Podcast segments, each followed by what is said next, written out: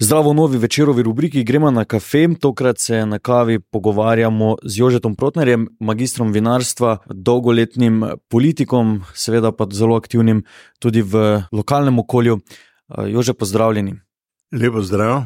E, naj pa rečem, da moja osnovna profesija je res enologija, kmetijstvo in e, vse, kar sem počel, sem delal s tem, da mi je bilo najprej vinarstvo kot panoga, v kateri delam in rečem, da še zdaj sem bil, sem in bom enolog, dokler mi bo zdravje služilo.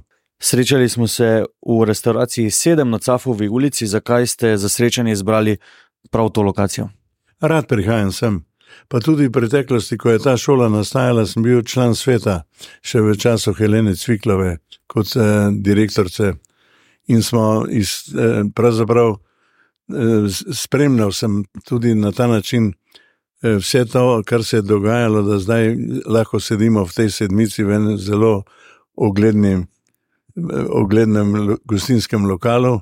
In eh, blizu mi je pač to, da nam strežejo študentje. Kava, vedno z mlekom ali kakšno drugačno? Zmeraj samo z mlekom, pa ne preveč, ena, največ dve na dan. Kako pomembne so debate ob kavi? Eh, bili ste politik, eh, verjetno ste mnogokrat tudi sestankovali, se je lažje zmeniti ob kozarcu vina ali ob kavi.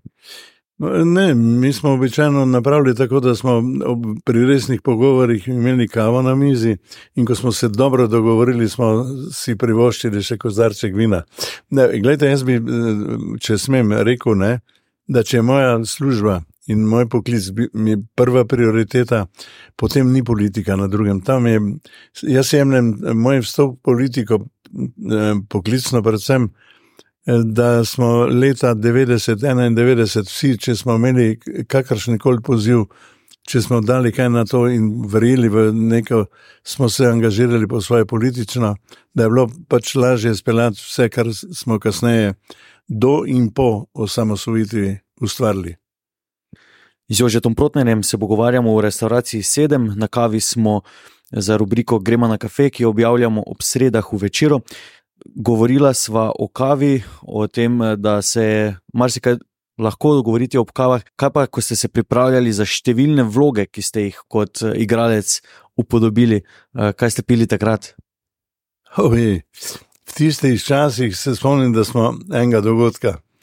E, bili smo izbrani za mednarodni festival v Flensburgu. To, vem, da smo šli z vlakom do Hamburga in potem naprej. Eh, do Flensburga in do potovanja je bilo dolgo. Sabo smo imeli tudi eh, nekaj kartonov vina z namenom, da ga bomo eh, pač tam predali tam našim gostiteljem ob vseh priložnostih, ko bi bile. In na koncu se je zgodilo, da je tisti, tisti kartoni so ostali na vlaku, ker tisti, ki je bil zadolžen, je pozabil na njih.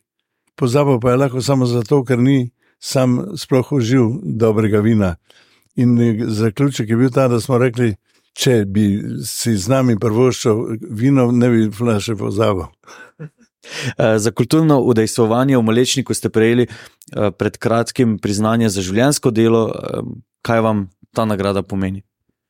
Je ja, dost. Na, na koncu, že zaradi tega, ker je bilo, bilo zajeto v nekem našem sla, v nekem slavnosti, smo obeležili 120-letnico od ustanovitve predhodnice kulturnega društva Malečnik. In ko človek eh, se zaveda, in to sem se jaz zavedal, da polovico tega časa, to se pravi preko 60 let, da sem eh, deloval v tem kulturnem društvu, To je splet okoliščin. Očitno eh, sem eh, že od samega začetka, še na srednji šoli, sodeloval v teh raznih literarnih krožkih. In to sem potem na nek način prenesel v tistem času, pred 60 leti, ko je bila televizor, televizor je bil samo še v nekem klubu občanov, ker smo ustvarjali pač tudi neke vsebine, razen tega, da smo prve eh, poročila in tudi druge oddaje na televiziji gledali. In potem iz tega nastane, pač, da so me poslali na režiserske tečaje. In jaz, kot maturant na srednji šoli, ko sem končal, se, kot da se hočem zahvaliti, da so mi omogočili obisk, obisk enega tečaja režiserskega v Kopru 14 dni, ne, da kar posežem po Sartru. In pred, napravim predstavo Žana Paula Sartra, spoštljiva vlačuga. Janez Karlin je bil član komisije, ko je ocenjeval to, pa je bil milosten, si lahko mislimo. Ampak predstava je bila in me je povabil, da bom bolj koristen. On ocenjuje, pa še naučil se bom kaj. V takrat eno najboljših amaterskih skupin v Sloveniji, to je bilo amatersko gledališče Slava Klavora. Jaz sem z nekimi malimi, ali mogoče me kaki da kakšno leto sem spustil drugače zaradi obveznosti pri študiju, ampak drugače sem tam deloval 12 let. Začel za. Pravzaprav za, že v, za prvo predstavo smo se uvrstili na festival, Zvezdni festival najboljših eh, amaterskih skupin v Jugoslaviji, to, to je bilo na Hvaru. Prvo leto v vlogi talca v Brindanovi komediji, e, talec, drugo leto pa kar sem dobil, je bila moja partnerica, takrat Milena Muhič, znana igralka, dobitnica Boršnikovega prstana. Smo da za vlogo e, žensko, ona in jaz za moško, dobila priznanje zvezdne žirije za ustvarjanje lik. No, na tem nivoju smo kar delovali pri Klavori. In mi dva smo se isto, čas, isto leto poslovila z Janezom Karlinom kot režiserem, dolgoletnim in sicer za Beraško opero Bertolda Brehta, ker sem jaz igral Meki noža. Ena, meni je bila ta vloga predvsem všeč, ker je to neka vrste muzikal, muzikal, ne, z, ampak z veliko teksta. No, tako je zatem sem se Ves čas sem na nek način bil tudi pri kulturnih, aktivno pri kulturnih dogodkih v Malečniku. Takrat pa sem režiral eno predstavo in eh, pozdrav šerifu in smo celo dobili na eh, reviji oziroma na tek, tekmovanju gledaliških skupin občine, smo se iz tega v rekel, kontra, tudi poleg Lavore, mi uvrstili v, na področju srečanja na Ptuju. To se pravi, s tem sem več čas pa me vleklo v, v pevski zbor, kjer sem zdaj že član preko 40 let. Je pa zanimivo, zdaj, ko smo zbirali, ker smo izdali en bilten ob 120-letnici, so našli fotografijo, bo, kjer bo zdaj skoraj 40 let eh, od pevskega, ne 50 let od pevskega zbora v uh, ustanovitve. Tam res nisem še pred, na otvoritvi nisem pel, ampak sem napovedoval ta koncert. Tako da to je to. E, samo to še ne rečem. Včasih, ko si bil že preobremenjen, pa še zdaj imaš predstavo kaj je tebi to treba, ne? je se pojavilo vprašanje. Pa me je to lažlo, vse je za nekaj koristno. Nikoli nisem imel težav javnega nastopanja, ker to je v teatru dobiš. Ne? Enkrat razčistiš, kaj to treba in kako se postaviš. Če stvari obvladaš, če se pripraviš, potem tudi morajo uspeti. Jože Protner, na kavi se za večer v rubriku Gremo na kafe pogovarjamo o restauraciji 7. Kako pomembno se vam zdi kulturno dejstvovanje na lokalni ravni, eh, tudi sicer dejstvovanje v lokalnih skupnostih, neko grajenje um, družbe okoli sebe skozi svojo upetost? Jaz bi rekel, da je to pomembno. Tudi, eh, če rečemo, da je kultura samo profesionalne inštitucije, jaz pravim, pomembno je sodelovanje. Srečo sem, bil sem tudi v sredinah, ker pravzaprav so se profesionalci zviška obnašali do tega, ampak v Mariboru nisem na to naletel ali pa drugače povedano, sem se pravočasno omaknil iz tega. Če gledamo širše, odnos do kulture je vendarle tudi se do, eh, gradi iz tega, da toliko in toliko se nas ukvarja z ljubiteljsko dejavnostjo. In nimamo čist nobenih ambicij, ne? Če, da bi zdaj mi postali profesionalci, daleč od tega, kljub temu, da moram reči na drugi strani, da veliko profesionalcev odličnih prihaja iz, eh, iz, iz amaterskega kroga. Sam sem eh, tu res omenim, jaz sem imel to priložnost in sem še zdaj vesel in ponosen na to, da sem lahko sodeloval pri Slavi Klavori z kasnejšimi tremi dobitniki Boršnikovega prstana. Najprej Mileno Muhič, potem seveda v neke predstave z Vladom Navakom, pravim nekaj, kar se kar spomnim, smo in zaključil sem, kot sem rekel, z Beraško opero, ker sem igral eh, glavni vlogo jaz in eh, ob meni mlada takrat eh, gimnazika, ki je šla na akademijo, to je Milada Kalezič.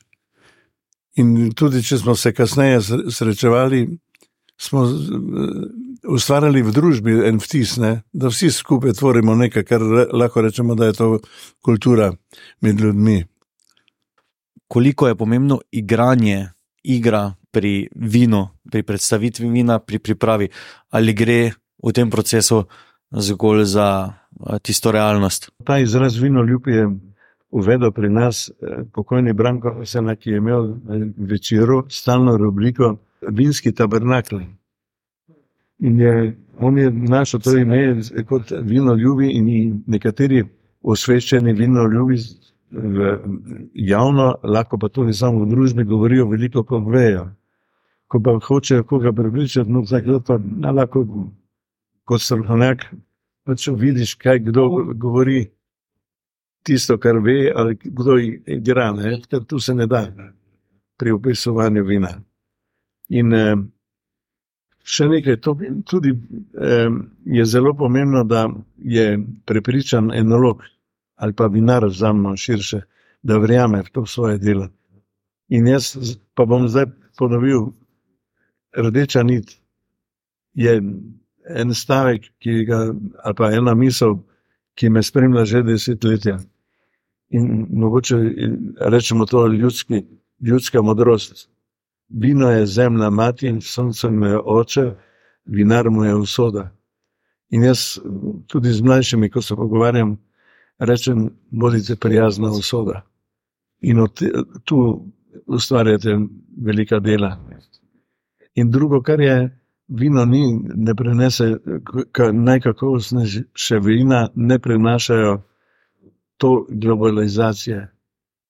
Globalizacija ni pot kvalitete, ker eh, je rdeča nit, je vendarle, da vinar spoštuje tisto, vse, kar se ustvarja v vinogradu. In od tod naprej tudi prepričanje, da nekatere tehnologije, če mislimo tudi oranžna vina, ne, da ki grejo tako stran, je v bistvu sreč globalizaciji. Torej, zdaj bom ustvarjal jaz iz nekega poprečnega, iz poprečnega grozdja, ne moreš ustvariti veliko vina. To je moje drugo eh, sporočilo. Ampak, ko so ta oranžna vina, in jaz sem s takim stališčem v naši domači hiši zmeraj bil, pa sta vendarle Božjan, sin in Martin, ne, vztrajala in sta pripravljala, ampak na, z našim znanjem. In menda je zdaj dve leti od tega v Parizu ocenovanja oranžnih vin, definitivno preko 70 vzorcev in je bilo par bronastih medalj in seveda se je tam lesketala zlata medalja naše firme. Mhm. Natura. Ne? Zdravo. Jože Protner, v restauraciji sedem se za večer v rubriku Gremo na kafe pogovarjamo o vašem delu. Zelo veliko vaše karijere je povezane z vinom. Bili ste v Vinagu, malo opišite to vašo Vinagovo kariero in če lahko tudi pokomentirate trenutno, trenuten status Vinaga, oziroma vse, kaj se je z Vinagom zgodilo po vašem odhodu iz Vinaga. V vlogi najprej glavnega naloga in eh, potem eh, direktorja. Vinak je bil središče in smo morali to ime napraviti. In da sem bil kar zahteven, že kot, eh, pa mi, moram reči, da v tistem času direktor Jager mi je, eh, mi je upošteval ne, dobre predloge. In če moram reči, ne, če je bil takrat ne, da, eh, od vseh vin, vitrskih, ki jih pravimo za škoricer, ni bil Mariborčan tisti, ki se je najboljše poznal v Mariboru, to bil jaz živel. In mi smo si najprej zastavili nalogo, v domačem mestu bomo mi prevzeli in seveda tudi inicijativo. In seveda to pomeni ne samo v komercialni, ampak tudi, da se pokažemo v Mariboru svoje pripadnosti. In zdaj, seveda, zaradi moje gledališke preteklosti, smo se omislili prvič javno eh, martinovanje. To je bilo na Trgu Svobode, scenarij, režija, celotno, seveda od prvega pa naprej, kar nekaj, dokler sem še bil na Vinego, sem, sem jaz bil tam pač tisti, ki je to, te osnove pomagal postavljati. In ne samo za trenutek povem, ne, da je začelo prvo martinovanje na ta način, da je iz Vinegovega dvorišča prikorakala godba pošte Slovenije ne, in da smo simbol, na simbolni ravni iz vseh koncev, odkudar vodijo vinske poti v Maribor, to se pravi iz Košaške strani, iz Bresteniške strani oziroma Kamniške, pa tudi iz Popovore, pa normalno tudi iz naše Malečniške. Zakoni so z sodom na eh, mošta in eh, pripeljani to vino na kar mošta na Trg Svobode. Tam smo vzeli poprečne vzorec, da smo ga seveda simbolno proglasili kasneje za vino na ta način, da smo vlivali zgoraj v rešeto mošt, spodaj v, v, zakrito z, z, eno, z eno zaveso. Pa smo imeli že pripravljenega Mariborčana in smo rekli, vidite, tu dajemo in po krstu je pa tu že prvo, prvi novi Maribor. In na ta način smo kar nekaj takih akcij speljali in eh, Na drugi strani, Binek je bila, bila komercialna, kled velika. Samo 20% je bilo štarskega. No, moramo vedeti, da je, da je, da je Binek 15 milijonov litrov letno še je šel skozi kled, preko 5 milijonov litrov samo v izvoz, da v izvozu smo dosegali tako nizke cene, da našega štarca praktično ni, ni bilo. Ampak ostaja eh, nekateri, na količini smo pa vendarle tudi imeli dobro, eh, dobro zaslužek in zmeraj sem jaz rekel, ne, da je dolgoročno vlaganje v to in smo zmeraj imeli zelo dobro sodelovanje s pridelovalci, se pravi takrat z zadrugami. Vse to je potem včasih začelo. Res je, jaz sem eh, takrat, leta 91, v vlogi direktorja, sem bil, ko me je Damože pregledal, pa vabil in eh, se nisem več zrnil v vina, spletov okoliščin, ampak takrat so začeli zadeve, ki pa niso bile izjeme. Tudi klet slovenski bistrici je doživela podoben zaključek pa na koncu konca velika zadruga, te ljudi pa ima. Edina od velikih kleti, ki se je rešila kot zadruge, je Goriška vrda klede. Tu se je kmalo, eh, nekako so se povezali, perotnino in so na ta način nadaljevali, Kormaš se je privatiziral in še prevzel Ljutomer poleg klet, kapela se je izgubila, Radgona je imela, eh, bi rekel, srečo in tudi dovolj pripravljenosti in znanje, da so tudi eh, nadaljevali in imajo svojo kontinuiteto. Prelomi so bili veliki in meni je pač za vina toliko žal, da so na tistih temeljih zgrajeno stavbo začeli demontirati. In se je dokončno demontirali. Ne? To, kar so zdaj poskusi, mi želim samo dobro. Kako pa gledate na siceršnje stanje vinarstva na področju Maribora in okolice? Gre v pravo smer, vidimo, da se s prihodom novih generacij stvari bistveno hitreje, mogoče celo modernizirajo, razvijajo. Je ocena pravilna? Absolutno pravilna. Jaz užujem, ko vidim, ne, koliko z modernimi prijemi tudi ne, delajo na promociji. In, in še to, da delajo, da vejo, da je kvaliteta osnova in da promovirajo šlake. Zato pravzaprav vinari, ki imajo za cilj najprej pridelati in potem tudi ustrezno prodati kvaliteto, da je zelo pomembno, da eh, si izmiš, da si, bi rekel, utemeljijo način komuniciranja z svojimi strankami, z kupci, pa tudi če gre za, mednar, za mednarodno levitev. Na teh prireditvah, eh, ki jih eh, najstarejše so, po moje, v Svečini, in eh, zdaj pa pravzaprav vsi imenovani kraji, ali to se sami vinari združujejo, ali, ali so to pa tudi turistična društva, da se, se Maribor, kot se Maribor za turizem odpira da te rezultate lahko žanjejo tudi vinari ali še drugače, da tudi Maribor je bogatejši za ponudbo, če so vinari zraven. Z Jožetom Protnerjem se za rubriko Gremo na kafe, ki jo ob sedah objavljamo v večeru, pogovarjamo o restauraciji 7. Gospod Protner, bili ste minister v Drnovškovi vladi, kasneje član odbora za kmetijstvo, tudi podžupan Maribora. Kako gledate trenutno na stanje kmetijstva v Sloveniji je v boljšem stanju kot pred 30 leti? Veste, kaj me skrbi trenutno? Te velike omejitve, ki prihajajo z Brusla.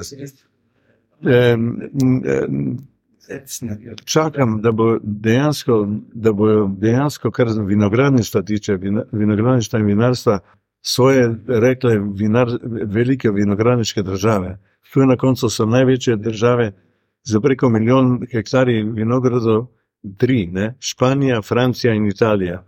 In seveda, če vzamemo še v tem Nemčijo, pa končno naše sosede Avstrice, in eh, vzhodski se je odprl za Slovaško, Češko in Mačarsko, se mi zdi, da eh, kot da birokrati briselski neki stvari ne razumejo.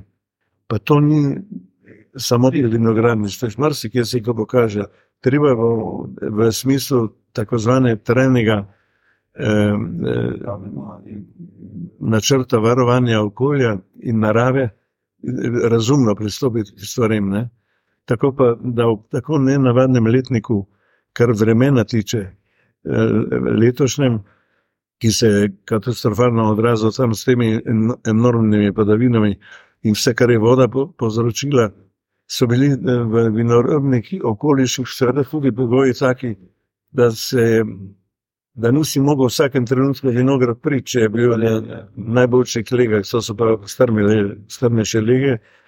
In tudi za uporabo eh, sredstev, ki se skozi bolj krčijo po količini, pa tudi po katera so dovoljena, da to ni dobra perspektiva.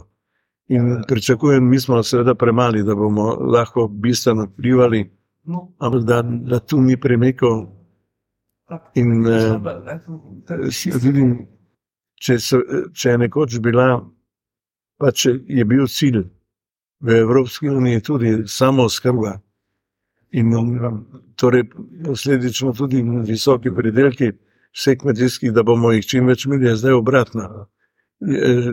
Prvo je varstvo okolja, se strinja, samo bodimo razumni, ker drugače bomo izgubili tisto, kar je že pri, bilo pridobljeno. Kaj pa odnos države do kmetov?